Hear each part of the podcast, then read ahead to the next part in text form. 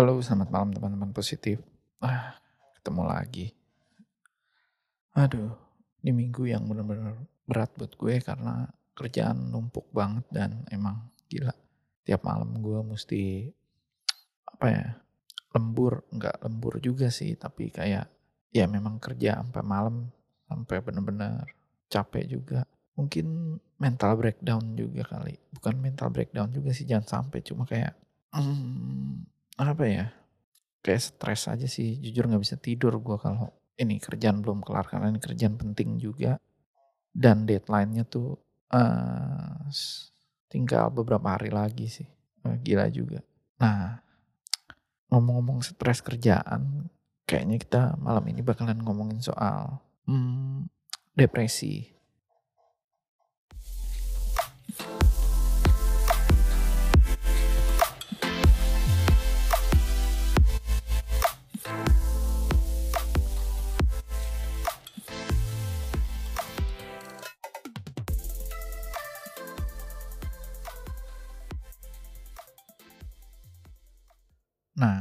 Soal stres, mending malam malam hari ini kita uh, bahas tentang living good with depression. Seru juga tuh kayaknya. Oke. Oke, teman positif. Balik lagi bareng gue Reza di podcast Belajar Positif biar hidup punya banyak makna. Pernah dengar kata-kata ini nggak? It's okay if you have a bad day because it's not a bad life. Nah, itu bener banget. Jangan patah semangat. Karena hari esok masih ada dan memiliki memiliki kemungkinan bisa menjadi lebih baik. Ngerti nggak? Ya mungkin hari ini lu hari terburuk lu gitu. Tapi ingat lo masih punya esok hari untuk memperbaiki itu semua untuk untuk membuat uh, hari bad day lu jadi yesterday gitu. Nah, berhubung tema malam hari ini adalah living good with depression, pasti lu bertanya dong, gimana cara kita bisa hidup barengan dengan depresi? Emang bisa? Survive-nya gimana? Apakah kita bisa hidup dengan baik walau kita depresi? Nah ini memang temanya agak deep nih. Tapi gue cuma mau bahas dan gue share sesuai kapasitas gue. Soalnya pembahasan depresi itu mendingan dari dari narasumber yang lebih berpengalaman. Misalnya psikolog atau psikiater. Jadi gue bahas sesuai apa yang gue baca dan gue alami aja. Intinya yang gue pahami aja. Oke, selamat mendengarkan. Let's go. Depresi. Um, ini memang membingungkan sih. Coba deh tanya, kenapa banyak orang bisa sampai depresi? Pasti banyak pro kontra di luar ya ada yang bilang kurang bersyukur, kurang mendekatkan diri dengan Tuhan. Ada juga yang bilang terlalu sensitif menghadapi kehidupan. Malah ada juga yang bilang kapasitas orang menerima sebuah ujian itu beda-beda. Uh, ketika dia gak sanggup, akhirnya stres dan depresi. Sebenarnya ada banyak definisi dari profesional tentang apa itu depresi. Depresi itu suatu perasaan yang bermuara dari sedih. Tapi sedih yang sebenarnya kamu pun gak tahu alasannya kenapa. Ya sedih aja pokoknya tapi itu datang lagi, datang lagi, datang lagi, berulang setiap malam, setiap hari sampai kamu menyerah dengan keadaan tersebut. Selain itu, depresi juga adalah kondisi di mana kamu tidak memiliki merah gimana ya sebutnya salah sih biar gue refresh lagi biar nggak salah depresi itu adalah kondisi di mana kamu merasa tidak memiliki apa pun di dunia pokoknya merasa sendiri padahal kalau kalau dipikir dan dilihat banyak hal yang bisa disyukuri dalam hidup kamu. Biasanya rasa bersalah akan sesuatu malah memperburuk kondisi sedih kamu. Jadi, eh, tapi belum tentu itu juga yang jadi penyebab depresi yang kamu alami. Dari sekian banyak pengertian apa itu depresi, buat gue, Depresi itu adalah sesuatu yang mencoba mengambil semua kebahagiaan di hidup kita. Sayangnya ada beberapa orang yang menganggap, ah gitu doang sampai depresi. Tuh lihat di luar sana, banyak yang lebih menderita dibanding kamu. Kamu sedihmu tuh kayak ikan kecil di lautan, gak kelihatan. Dan banyak juga judgement lain yang hadir setelah seseorang mencoba untuk speak up. Yang akhirnya malah uh, menjadikan orang yang depresi itu hilang keberanian untuk terbuka untuk mem, untuk berani mengatakan iya aku depresi karena mereka pikir toh gak ada yang ngerti gak ada yang peduli malah bikin depresi mereka tambah parah padahal kalau kita pikir-pikir ada yang kita tidak ngerti dari tentang depresi. Apa itu? Feeling. Perasaan orang itu kan beda-beda ya. Apalagi depresi apalagi saat depresi. Perasaan kita tuh lagi nggak baik-baik aja. Nggak bisa disamain dengan seseorang di luar sana. Siapa pun itu ya. Karena balik lagi proses penerimaan ujian itu kan beda-beda. Bagi saya mungkin itu hal biasa, belum tentu bagi orang yang sudah kehilangan banyak. Itu juga hal biasa. Misalnya depresi itu juga mendistorsi rasa akan realitas kita yang sebenarnya. Kita menjadi merasa tidak ada yang menyenangkan, semuanya jadi buruk, kita jadi merasa tidak berharga, tidak ada yang bisa mencintai kita, menyayangi kita, atau bahkan kita tidak punya alasan untuk mencintai diri kita sendiri gitu. Skenario terburuknya ya kamu tidak melihat alasan lagi untuk tetap hidup. Banyak kasus di luar sana yang akhirnya self harming, nyakiti diri sendiri hingga memutuskan untuk bunuh diri. Ah, jangan sampai deh. Itu kenapa jika kita baik-baik aja nih, wajib banget support teman kita yang lagi survive dari depresi. Nah, ini ada salah satu cerita dari teman saya. Dia generasi Z generasi yang katanya paling tertekan, mudah stres, dan rentan depresi. Betul gak tuh? Menurut survei tahunan yang dirilis American Psychological Association pun menyebutkan bahwa generasi Z adalah generasi tertekan dan rentan depresi. Namun, positifnya 75% mau speak up, berani melaporkan kondisi yang dialami, dan percaya memiliki masa depan yang lebih baik.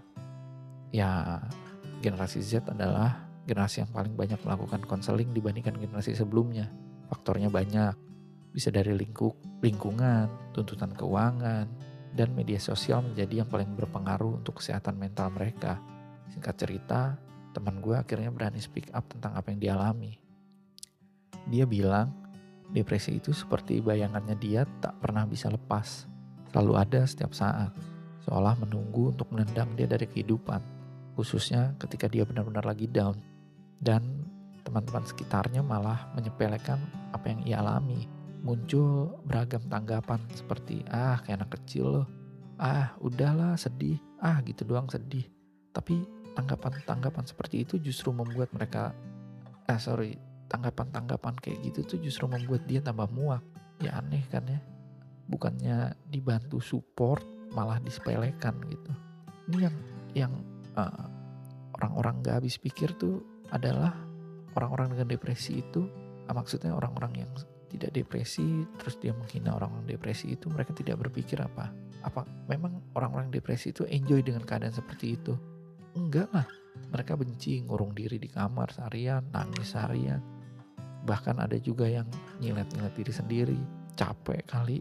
Bahkan lelah memotivasi diri sendiri pun nggak cukup energi gitu. Saking uh, apa ya capeknya. Ya intinya mental breakdown lah dari cerita itu kita tahu depresi itu nyata dan bukan sesuatu yang mudah dihilangkan. Tapi ingat kita bisa bangkit dan sembuh. Nah ini juga penting nih. Jangan self diagnosis karena itu bahaya. Ya bisa jadi kita nggak depresi cuma stres berat.